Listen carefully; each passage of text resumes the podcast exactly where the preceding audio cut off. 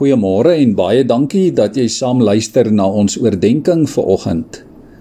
Ons het die afgelope week saam gedink oor nederigheid. En om nederig te wees beteken vir ons as gelowiges dat ons in die eerste plek besef hoe afhanklik ons van God is. Ek dink nogal die afgelope 2 jaar het ons almal laat besef wat afhanklikheid eintlik beteken. Presies hierdie week 2 jaar gelede is die noodtoestand in ons land afgekondig. En het ons almal inperkings begin beleef as gevolg van die koronavirus. Baie mense is diep daardeur geraak en het baie hartseer en verliese beleef.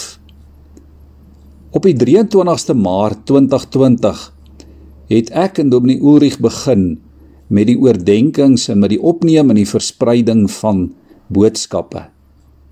Dit het ons ook ons eie afhanklikheid laat besef en op 'n manier laat verstaan hoe belangrik dit is om nederig te bly voor die Here. Gisteraand het ek nogal getel hoeveel boodskappe ons sedert die 23ste Maart 2 jaar gelede opgeneem en uitgestuur het. Ek self het so 'n bietjie meer as 340 boodskappe opgeneem en ek glo Dominee Ulrich omtrent dieselfde. In Jakobus 4 vers 10 lees ons: Onderwerp julle in nederigheid voor die Here en hy sal julle verhoog.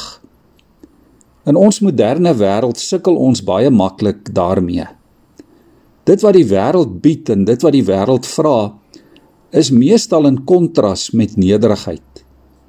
Die lewe gaan oor die algemeen oor ek en my en myne en myself. 'n Mens is baie maklik geneig om te vra: Wat kan ek daaruit kry? Of watter voordele hou iets vir my in? As ek nie daardeur bevoordeel word nie, dan gaan ek nie deelneem nie. As die kerk en godsdiens nie vir my iets inhou nie, dan stel ek nie daarin belang nie. Romeine 12 vers 2 sê: Laat God julle verander deur julle denke te vernuwe en moenie aan die sondige wêreld gelyk word nie. Jesus is seker ons heel beste voorbeeld van nederigheid. Die seun van God wat self God is en wat by die skepping betrokke was en wat deur die engele in die hemel aanbid is. Hy word 'n mens tussen mense. Hy kom beleef op hierdie aarde dit wat jy en ek beleef en tot die heel uiterste gee hy homself as 'n offer in ons plek aan die kruis. Hy neem die gestalte van 'n dienskneg aan. Hy verneder homself tot in die dood. Ja, hy kom stel vir ons die voorbeeld. In Jakobus 4 vers 10 sê: Ons moet juis onsself verneder en onderwerp voor die Here. Dis onder andere wat Jesus bedoel het toe hy gesê het: Hy is die wingerdstok en ons, jy en ek is die lote.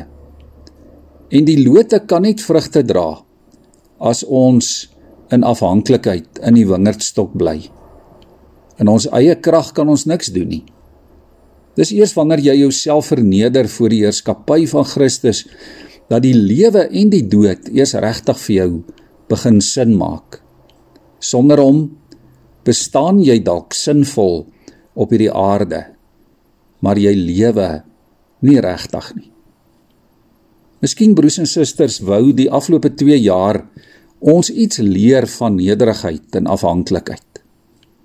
Dalk het dit glad nie gegaan hierdie afgelope 2 jaar oor 'n virus of maskers of inentings nie. Maar waarskynlik eerder oor die vraag: Hoe vas is jy aan die wingerdstok? Kom ons buig ons hoofde in gebed voor die Here. Here, help ons vandag om te besluit om onsself te verneder en Here om aan U heerskappy oor te gee en aan U wil vir ons lewe. Amen.